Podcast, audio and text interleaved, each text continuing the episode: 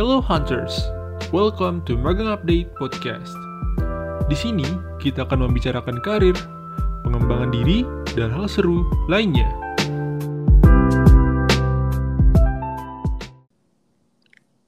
Good day Hunters, welcome back to Magang Update Podcast. Gimana nih kabarnya? Semoga Hunters di rumah selalu dalam kondisi sehat dan bahagia ya. Amin. Tak kenal maka tak sayang, tak sayang maka tak cinta. Kenalan dulu yuk. Namaku adalah, aku bagian dari Business and Partnership Development Intern Batch 10 di Magang Update. Nah, di episode kali ini aku bakal ngajak hunter semua untuk mengulik kisah dan pengalaman guest speaker kita yang saat ini merupakan bagian dari konten kreatif and digital marketing intern Batch 10 di Magang Update. Dan ternyata guest kita ini juga seorang konten creator TikTok loh dengan followers akunnya hampir 30 ribu. Langsung aja yuk kita sapa orangnya. Halo Kak Marvel. Halo Kak Adla. Halo, gimana nih Kak Marvel kabarnya? Oke, biasanya sih kalau ditanya kabar itu, kalau misalnya kita jawab, gimana kabarnya? Oh baik, gitu. Kayaknya udah basa-basi gitu nggak sih? Hmm. Jadi, uh, ya sebenarnya baik, physically, mentally baik. Cuman karena lagi kayak bosen gitu nggak sih suntuk di rumah. Kayak gitu nggak, Ah, Adla? iya, iya. Aku juga, aku juga emang ya kayak nggak tahu lagi nih mau ngapain. Iya, benar itu. Oke, tapi alhamdulillah physically and mentally baik ya. Nih Kak Marvel sekarang lagi sibuk apa sih Kak di rumah aja? Eh, karena sekarang aku lagi libur kuliah gitu ya, jadi aku nggak punya aktivitas akademik atau aktivitas yang berhubungan sama kuliah karena eh, biasanya aktivitas kayak gitu tuh yang makan waktu gitu. Nah berhubung lagi libur ini, aku juga nggak mau liburan tuh cuman diem aja di rumah. Jadi aku eh, cari-cari aktivitas kayak kepanitiaan kampus, terus juga aku ada magang di magang update dan juga buat konten harian di TikTok. Gitu aja sih sebenarnya. I see, berarti walaupun kita lagi dalam kondisi di rumah aja, lagi PPKM ya, nggak bisa ke mana-mana, tapi harus tetap produktif nih, harus di rumah juga jangan lupa, jangan rebahan mulu nih. Yeah, nggak usah lama-lama lagi, harus di rumah juga kayaknya udah pada penasaran nih buat dengerin cerita Kak Marvel. But before that, boleh dong Kak Marvel perkenalan diri terlebih dahulu. Oke, halo Hunters, halo teman-teman semuanya. Kenalin, nama aku Marvel. Biasanya kalau misalnya aku baru kenalan sama orang baru nih, pasti banyak yang nanya kayak, namanya dapat inspirasi dari mana gitu. Orang tuanya dapat inspirasi dari mana ngasih nama Marvel. Apa ada hubungannya nggak tuh sama Marvel Cinematic Universe? Of course nggak ada ya. Nggak ada hubungannya sama, nggak ada hubungannya sama MCU dan superhero dan kawan-kawannya. Cuma ya, I do love MCU gitu. Jadi buat kalian yang mau ngobrol MCU ya nggak apa-apa sama aku gitu. Aku sekarang lagi kuliah di farmasi ITERA, eh, tepatnya semester 5, angkatan 2019. Nah, untuk kesibukan hari-hari sih ya tadi ya udah dikasih tahu aku ada magang dan juga ada aktivitas lain di kampus kayak kepanitiaan gitu aja sih. Oke, thank you perkenalannya. Udah cukup jelas ya kalau Kak Marvel ini bukan bagian dari superhero. Jangan salah teman-teman. Nah, di awal udah sempat aku singgung nih kalau guest speaker kita kali ini selain menjadi CCM intern di Magang Update, juga merupakan pemilik akun TikTok at In Your Level. Boleh dong Kak Marvel ceritain awal mulanya kok bisa jadi content creator di TikTok sampai punya followers hampir 30 ribu. Oke, sebenarnya ini tuh aduh iseng sih, jujur nih? jujur iseng, iseng yang apa ya? Aku aku kan main TikTok itu angkatan corona ya. Ah, Ya, ngi- see. nginstal nginstal TikTok itu karena bosen gitu waktu itu lagi PSBB ya namanya dulu masih PSBB Iya, belum betul-betul. belum PPKM gitu. Nah, tapi waktu awal-awal aku install TikTok itu posisi aku masih sebagai pasif user nih, belum eh, produksi konten gitu. Username aku tuh masih yang user user 12345 yang biasanya Ah, tuh iya, iya. Yang susah Iya. dicari ya username-nya. iya akun-akun buat julid buat buat head Emang speech gitu nih. biasanya. Mungkin hunters di rumah ada yang akunnya kayak gitu kali ya, hati-hati ya. Nah, terus hmm, kan di TikTok itu kan juga banyak tuh eh, jenis-jenis konten gitu ya. Ada konten tentang edukasi, ada konten tentang lifestyle, konten tentang fashion, masak-masak, hiburan dan sebagainya. Nah, aku juga itu sering nonton konten yang berhubungan tentang eh, kehidupan perkuliahan, college life Oke, gitu. iya, iya. Nah, mungkin buat kalian yang eh, kenal konten creator Kak Ekida yang dari FKUI, terus ada Kak Esther yang dari FHUGM, ada juga Kak Farhan yang dari IPB Ah, I gitu. see. I know, I know. Ha, jadi konten-konten perkuliahan kayak gitu tuh sering muncul di FYP aku gitu. Nah, cuman aku merasa ada yang kurang gitu. Kenapa? Karena aku jarang ngeliat konten perkuliahan yang berhubungan sama jurusan aku, yaitu jurusan farmasi gitu. Oke. Okay. Jadi aku mikir nih, padahal farmasi itu uh, mahasiswanya banyak loh, salah satu jurusan yang peminatnya atau mahasiswanya tuh paling rame di Indonesia gitu. Sedangkan kontennya kok sepi ya di TikTok. Nah berangkat dari situlah aku mulai coba ah iseng-iseng coba buat konten tentang jurusan kuliah aku kira-kira laku nggak ya? Eh ternyata ya laku sampai sekarang alhamdulillah. Alhamdulillah, berarti bisa dibilang inspirasinya nih uh, dari konten-konten kreator yang ada dan dikembangkan dengan jurusan Kamarvel sendiri. Iya, benar banget, Adla. Oke, iseng-iseng berhadiah ya, Alhamdulillah. Oke, setelah tadi uh, kita tahu kalau Kamarvel ini kontennya membahas tentang jurusan farmasi. Nah, aku pengen tanya deh, dari video-video TikTok Kamarvel tuh Kamarvel dapat idenya dari mana sih, Kak?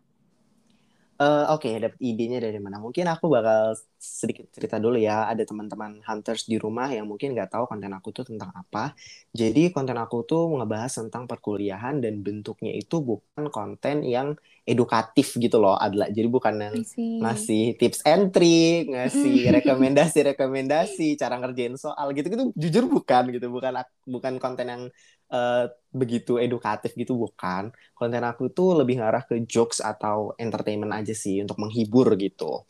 Nah, kenapa aku pilih itu? Karena menurut aku pribadi ya, waktu itu kan aku mulai buat konten di TikTok itu semester 3. Kalau misalnya aku mau buat konten yang berhubungan tentang edukasi jurusan aku, aku ngerasa kapasitas aku tuh belum terlalu cukup gitu loh. Karena kan masih semester 3 juga gitu, ilmunya masih belum banyak-banyak banget dan tanggung jawabnya juga pasti besar kalau misalnya buat konten yang uh, berat gitu. Makanya aku buat konten yang receh-receh aja yang ringan-ringan aja gitu. Nah untuk idenya sendiri ya berangkat dari kehidupan aku sehari-hari di kuliah gitu kan. Mungkin tiap-tiap jurusan tuh punya uh, karakteristik masing-masing gitu ya adalah ya. Iya, betul, misalnya betul. anak teknik yang mungkin sering ngerjain laprak, sering hitung-hitungan, terus misalnya ada anak kedokteran yang mungkin sering skill lab atau praktikum dan sebagainya. Nah, hal-hal kayak gitu tuh yang aku angkat ke konten aku. Gitu sih, Adla. Oke, jadi intinya memanfaat ke-relatable yang ada gitu ya untuk menarik uh, viewers gitu. Iya, bener banget. Soalnya kan kalau di farmasi sendiri itu hmm, identiknya sama praktikum ya, praktikum ya, sama betul. laporan praktikum gitu. Nah, konten itu tuh sebenarnya aku iseng gitu, aku buat kayak praktikum di farmasi itu banyak banget loh, ada segini, gini, gini, gini gitu. Aku upload laporannya, aku upload pengerjaannya gitu dah. Malah konten kayak gitu tuh laku keras di TikTok aku. Viewersnya tuh bisa ngelebihin satu juta views gitu. Beda dengan konten-konten yang aku pernah, aku pernah nyoba konten edukasi gitu. Sedikit-sedikit aku edukasi gitu. Konten edukasi itu justru nggak laku. Oke, mungkin bukan pasarnya kali ya.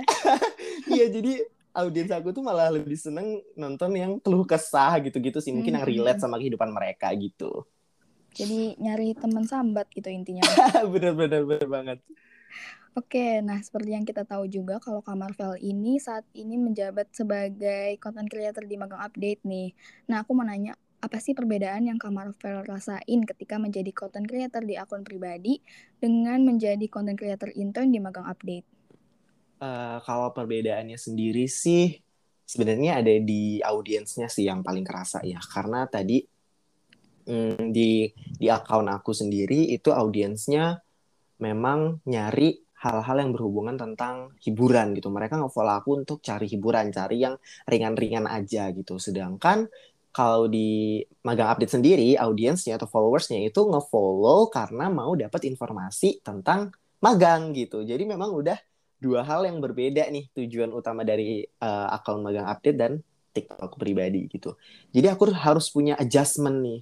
Oh kalau misalnya audiensnya begini, maka nanti idenya harus begini, penyampaiannya harus begini gitu. Nah mungkin itu sih uh, salah satu yang jadi challenge tersendiri buat aku. Yang awalnya kalau buat konten itu uh, bisa dibilang kayak ya udah buat-buat aja gitu, nggak terlalu mikir-mikir mm. banget, nggak ada cross check cross check, nggak ada buat brief gitu-gitu, nggak ada, jujur nggak ada. Jadi uh, aku buat itu spontanitas aja kalau di akun aku pribadi gitu. Sedangkan ketika udah pindah ke magang update, uh, megang magang update juga gitu, aku harus buat yang full preparation gitu kontennya. Karena kan berhubungan sama informasi dan bakal dikonsumsi oleh banyak masyarakat gitu sih. Oke, jadi challenge dan persiapannya tuh lebih besar ya. Tanggung Bener banget. juga sekaligus lebih besar.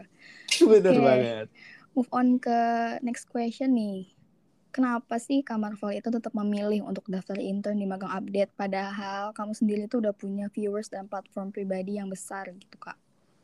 Eh, iya sih, ya benar ya kalau dipikir-pikir. Karena aku Iya. pernah, iya aku aku pernah apa sih namanya nonton eh, YouTube gitu video YouTube interview seorang content creator namanya Kak Felicia yang mana Kak Felicia ini content creator TikTok yang ngebahas tentang investasi dan saham gitu. Nah Kak Felicia ini dulu sebelum jadi full time content creator itu dia kerja di corporate gitu, kerja di perusahaan sebagai ah, aku lupa analis atau auditor gitu. Aku lupa. Dan yang jelas gajinya tuh udah udah dua digit gitu. Gajinya di kantor tuh udah digit. Sedangkan dia ini iseng nih iseng nyemplung ke dunia konten creator TikTok itu. Eh ternyata penghasilan dia di TikTok itu empat kali atau lima kali lebih besar daripada penghasilan dia di perusahaan gitu. Jadi aku pas awal awal awal buat konten tuh mikir waduh ini gawat banget nih menggoda banget gitu kan. Ini kalau misalnya aku nggak nggak kuat atau gimana gimana aku terlalu nafsu akan akan uang gitulah bahasanya. Aku bisa aja ninggalin hal-hal lain yang jadi prioritas di hidup aku gitu. Cuman untungnya hmm, sampai saat ini aku memposisikan konten creator ini bukan sebagai prioritas utama atau bukan sebagai pekerjaan utama gitu. Jadi buat ngisi aja gitu sampingan aja. Untuk prioritas utama aku ya aku pengen berkarir di ranah profesional bekerja di industri dan di perusahaan gitu. Makanya aku tetap daftar magang untuk mempersiapkan hal tersebut. Gitu Adla. Oke, lagi-lagi tontonannya ini yang berawal dari iseng ya. iya bener banget aku tuh inspirasi banget nih. iya aku tuh kayak aku tuh suka ini bingung kalau misalnya ditanya inspirasinya itu dari mana kok bisa sih sampai kayak gini gitu aku tuh malu jawabnya kenapa karena sebenarnya memang iseng-iseng doang gitu iseng-iseng yang berhadiah Kan nggak ada yang tahu ya ke depannya gimana. Siapa tahu jadi dari apa ya bahasanya dari hobi jadi profesi nih. bener bener bener Oke, pertanyaan selanjutnya nih. Nah, tadi kan di awal disebutin ya kalau Kak Marvel tuh kesibukannya cukup banyak nih walaupun lagi di rumah aja. Nah, gimana sih Kak Marvel cara membagi waktunya antara TikTok, magang, lalu kuliah, dan kegiatan lainnya seperti kepanitiaan? Apalagi saat ini Kak Marvel juga lagi megang konten di TikTok magang update ya. Nah, apakah sempat ada kesulitan nih buat ngatur konten di kedua akun yang sedang kamu handle gitu, Kak? Oke oke oke. Jadi eh, tadi kan ada tiga, anggaplah ada tiga variabel ya, atau empat ya empat. Ada buat konten di akun pribadi, buat konten di TikTok magang update, terus juga ada kegiatan magang secara general, sama ada kegiatan yang berhubungan sama kuliah gitu. Untuk kuliah sendiri aku lagi nggak ada ya karena lagi libur gitu. Sedangkan kalau keseharian sehari-hari itu sebenarnya yang paling banyak makan waktu tuh dari kuliah sih. Karena kan Senin sampai Jumat gitu dari pagi sampai sore gitu yang paling betul betul.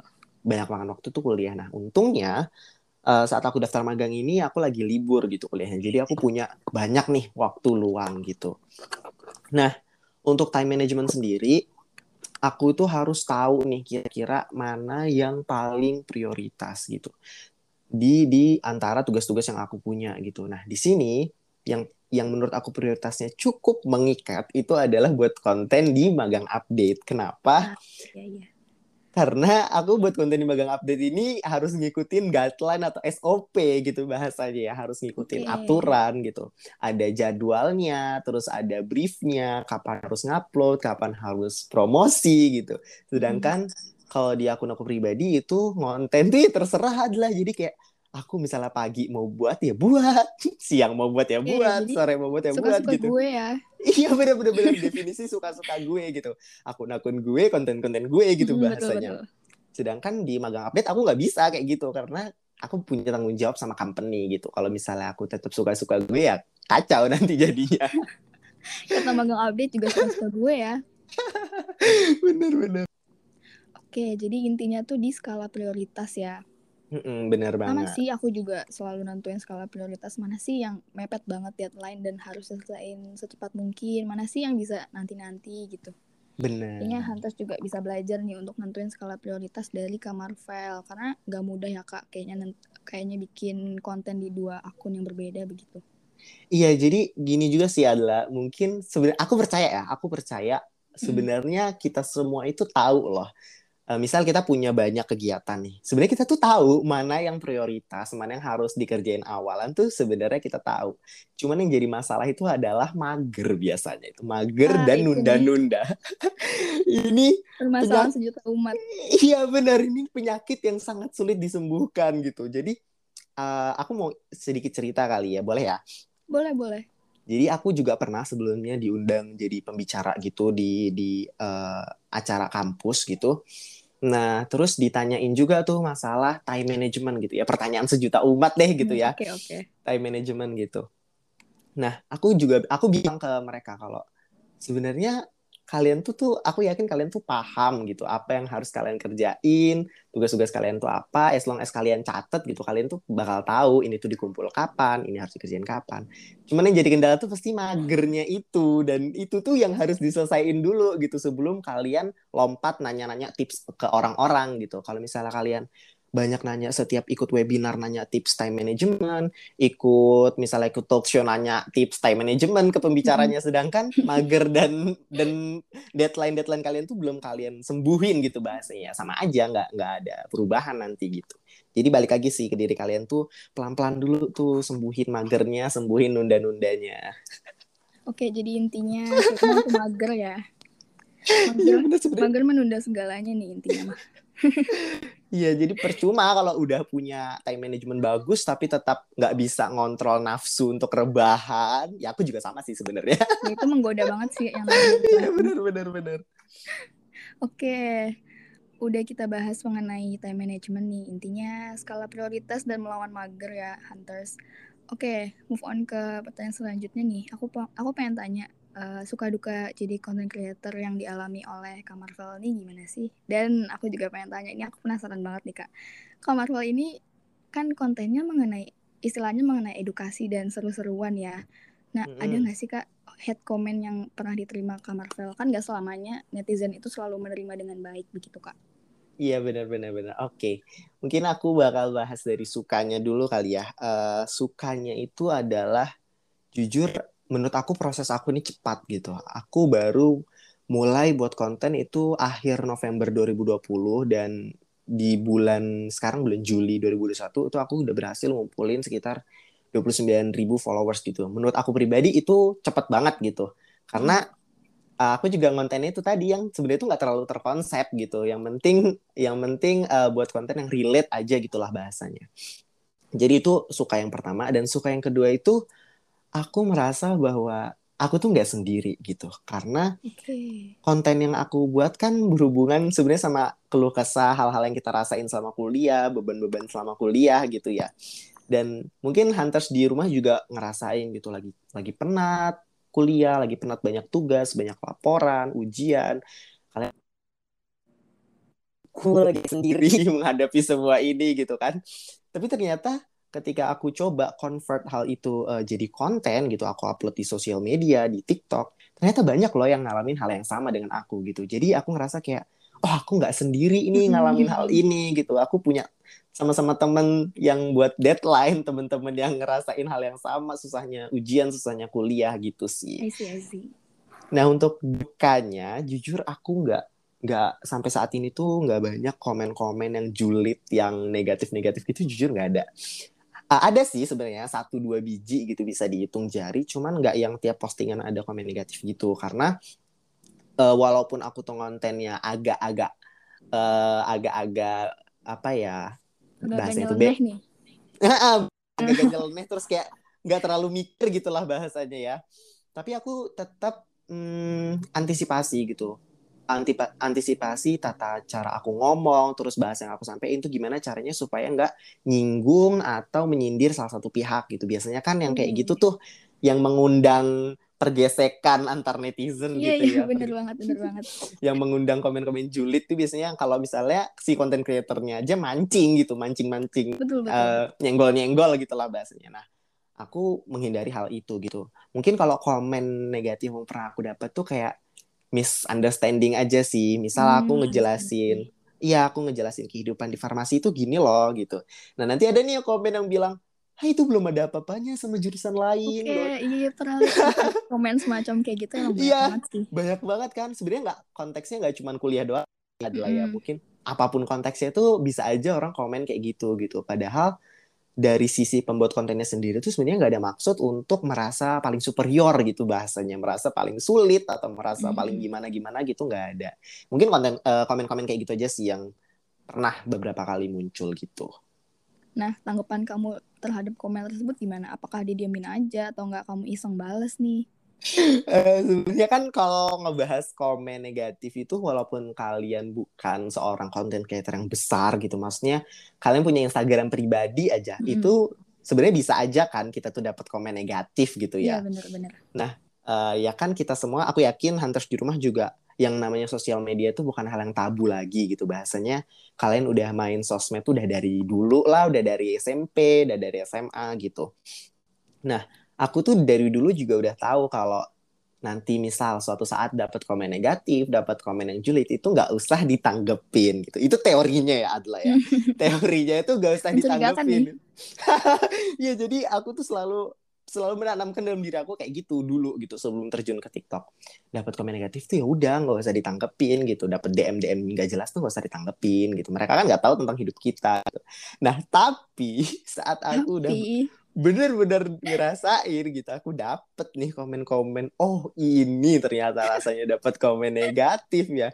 Jadi kayak aku tuh nggak pernah adalah malah aku diemin tuh nggak pernah jujur nggak pernah. Malah aku bales gitu aku ya reply dengan senang hati. Dan reply-nya itu aku malah kadang eh, reply yang aku jadiin konten gitu. Aku up jadi video gitu kan kalau di TikTok bisa eh, Iya, iya, reply benar-benar. komen pakai video gitu ya. Nah biasanya itu malah aku jadiin konten gitu satu dua tiga komen gitu. Nanti kalau udah di konten biasanya nanti komennya jadi unavailable gitu loh. Komennya jadi dihapus gitu. Biasa banget ya nih. Iya. makanya aku sampai sekarang sih kayak gitu sih. Kalau dapet komen julid biasanya aku malah aku bales gitu biar sekalian tahu rasa gitu. Nggak pernah aku diemin. Mungkin ini bukan suatu tips yang aku rekomendasikan juga sih sebenarnya Tapi sebenarnya bisa loh thanks to netizen, komen kamu bisa jadi konten buat aku gitu ya. bener bener banget Adla dan lucunya itu eh, setiap aku balesin komen-komen yang julid itu itu tuh pasti viewsnya banyak gitu loh Waduh, Jadi- emang ini jadi- netizen suka pertengkaran kayaknya mah. Iya memang eh, nggak yang netizen yang netizen- netizen yang normal juga sebenarnya suka yang rame-rame baku hantam gitu senang banget tuh konsumsi netizen Indonesia. Oke, mungkin eh, pertanyaan selanjutnya ini bisa jadi pertanyaan terakhir dalam episode kali ini ya. Oke, pertanyaan terakhirnya itu aku pengen nanya deh. Eh, Kak Marvel punya nggak sih tips untuk hunters yang ingin memulai karir menjadi content creator? Misalnya do's and don'ts yang perlu diperhatikan gitu untuk hunters dilakukan ketika ingin memulai karir sebagai content creator. Silakan Kak. Oke, ini seharusnya nanya kayak gini nih ke Raditya Dika gitu ya, ke Ra- Rachel V-nya Gak usah gitu. dong yang deket-deket aja nih. Aku tuh merasa kayak aduh masih nggak bisa sebenarnya ngasih kayak gini gitu. Cuman aku bakal aku kasih yang tipis-tipis aja ya, karena aku juga nggak pro nggak pro banget gitu. Eh, untuk kalian hunters-hunters di rumah yang pengen terjun nih di bidang content creator atau iseng-iseng aja kayak aku gitu pengen buat-buat konten diupload ke sosmed siapa tahu nanti FYP gitu kan. Nah itu bisa kalian mulai dari eh, topik-topik atau dasar-dasar eh, ide yang ada di sekeliling kalian atau yang ada di hidup kalian dulu gitu atau yang berasal dari hobi kalian. Misal kalian eh, suka misal kalian suka hand, hand lettering nih atau misalnya kalian suka gambar kalian bisa coba buat konten yang berhubungan dengan hal itu berhubungan dengan hobi kalian gitu.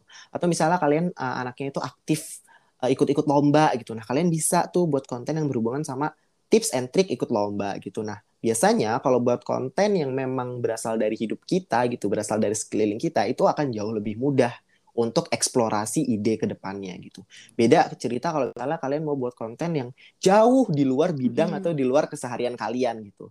Itu bakal lebih capek sih untuk cari-cari ide dan ngembangin ide. Nah, terus buat yang kedua, kalian kalau misalnya mau buat konten, especially untuk TikTok ya atau untuk konten yang berbasis video, cobalah untuk jadi diri kalian sendiri dan jangan jangan pretending to be someone else gitu. Jangan ketika di depan kamera itu kalian jadi A, ketika di luar kamera kalian jadi B gitu. Karena jujur itu bakal melelahkan sih. Uh, jadi di depan kamera sama di uh, di luar kamera atau di belakang kamera itu ya seharusnya sama aja gitu jangan jangan pakai topeng gitu jangan jadi seseorang yang lain gitu karena nanti ketika misal kalian udah terkenal nih ya amin gitu misal kalian udah terkenal ternyata selama ini untuk mencapai titik terkenal tuh kalian uh, pakai karakter yang lain gitu. Mm-hmm. bukan pakai karakter diri kalian sendiri. Nah yeah. itu nanti kalian akan pusing sendiri tuh. Aduh. Bener bener bener bener uh, uh, selama ini aku disukain karena aku kayak gini bukan aku yang aslinya gitu. Ya walaupun itu sebenarnya masih jauh ya Adla ya. Cuman mm-hmm. bisa memang harus dirancang dari bawah gitu. Jangan terbiasa jadi orang lain. Jadi diri kalian sendiri aja. Dan tips yang terakhir menurut aku tuh cobalah konsisten di satu konten dulu dan konsisten untuk terus produksi atau terus ngepost gitu. Jadi hmm, kalau misalnya nih mungkin aku juga pernah sih ngalamin hmm, baru awal terjun di content creator terus aku bakal expect wah ini kayaknya bakal aku nih kontennya gitu kan. Bakal viewsnya bakal banyak nih likesnya bakal banyak. Eh ternyata enggak gitu. Ternyata enggak enggak masuk FYP gitu. Atau likesnya dikit yang nonton dikit gitu. Nah, kalau terjadi kayak gitu tuh jangan langsung down, jangan langsung nyerah, konsisten aja, upload aja lagi, buat aja konten lagi gitu. Dan fokuslah di satu bidang konten aja dulu, jangan lintas sektor ke mana-mana, ganti-ganti bidang hmm. konten, ganti-ganti jenis konten gitu. Jadi intinya tuh kalian harus mulai dari yang ada di hidup atau yang ada di sekeliling kalian, dan yang kedua harus jadi diri sendiri, harus berani juga, dan yang ketiga harus konsisten. Itu sih dari aku. Oke, okay, mantap mantap. Jadi ada ketiga, ada tiga tips nih dari Kak Marvel. Yang pertama, membuat konten yang berhubungan dengan hobi dan sekeliling hunter semua. Lalu yang kedua, untuk menjadi diri sendiri. Dan ketiga, konsisten. Itu tadi dusnya ya Kak. Nah, untuk yeah. donsnya sendiri apa nih? Donsnya nih, Anda juga pasti udah tahu nih. Dan hunter semua juga pasti udah tahu ya. Di Indonesia, di negeri kita tercinta ini, jangan pernah mencoba untuk buat konten yang berbau sara atau sensitif Jangan sekali-kali ya. Kita kita semua udah sering nih nonton di YouTube, di TikTok, di Twitter, di Instagram ada orang yang iseng tuh waktu itu uh, kalian tahu nggak yang buat lagu tentang COVID, buat lagu tentang COVID dan tentang vaksin gitu. Bilang kalau COVID itu nggak berbahaya, terus kita nggak nggak perlu vaksin gitu-gitu si konten creatornya aku kalau itu bercandaan aja gitu. Sedangkan masyarakat kan nggak mau tahu ya, ngerasa kayak waduh ini nggak boleh iya, nih isu-isu sensitif itu dibahas jadi konten. Akhirnya viral sampai lintas platform. Nggak cuma di satu platform doang sampai ke platform-platform sosmed yang lain gitu. Nah kalau udah kayak gitu udah kacau. Kalian udah dibenci satu Indonesia. Jangan sampai itu. Uh, terus yang kedua selain jangan buat topik sensitif dan sara yang kedua kalian uh, jangan tadi sih jangan terlalu gegabah untuk switching konten, terus hmm. jangan pretending to be someone else, terus juga jangan terlalu cepat untuk down atau terlalu cepat untuk nyerah gitu ketika hasilnya belum sesuai ekspektasi kalian. Itu aja sih don'ts-nya dari aku. Oke, jadi intinya mungkin kita uh, bisa nganggep konten creator itu sebagai seru-seruan aja ya, walaupun ujung-ujungnya siapa tahu bisa di ladang bisnis atau enggak profesi sebenarnya gitu. Iya kan kalau dapat endorse kan lumayan ya. Ya lumayan banget tuh Bun cuan lagi, cuan lagi. Oke, ini seru banget nih obrolan kita nggak kerasa udah hampir 20 menit lebih ya nih Kak Marvel. Tanyaan tadi sebagai penutup episode podcast kali ini. Nah, sebelum aku akhiri, aku mau ucapin banyak terima kasih untuk guest speaker kita, Kak Marvel. Thank you ya Kak, udah luangin waktunya buat mengisi podcast bareng aku dan Hunters di rumah. Obrolannya seru banget dan tentunya banyak tips dan motivasi yang bisa diambil. Thank you juga untuk Hunters yang udah dengerin sampai selesai. Dan sebelum aku akhiri podcast episode kali ini, Hunters jangan lupa untuk follow Instagram dan TikTok at Magang Update untuk info mengenai lowongan magang lebih lanjut. Kak Marvel juga bakal sering di TikTok Magang Update ya kak. Iya bener banget. Jadi buat kalian Hunters di rumah yang mungkin lagi sama nih sama aku sama Kak Adla yang suntuk PPKM di rumah gitu. Cobalah cari aktivitas-aktivitas untuk ngisi liburan kalian. Ikutlah uh, intern atau ikutlah magang gitu. Nah, kalian bisa dapetin info-info magang atau intern itu di akunnya Magang Update, at Magang Update di Instagram dan di TikTok. Oke, mantep banget nih. Jangan lupa juga untuk dengerin podcast episode sebelumnya, karena topik yang diangkat pasti seru dan menarik banget Hunters. Bunga Mawar, Bunga Melati, saya adalah pamit undur diri. Sampai jumpa di episode selanjutnya. Have a good day. Bye. Bye.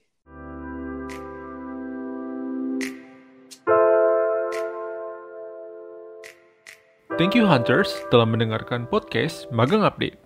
Jangan lupa play episode lainnya dan tunggu episode baru lainnya di Magang Update Podcast.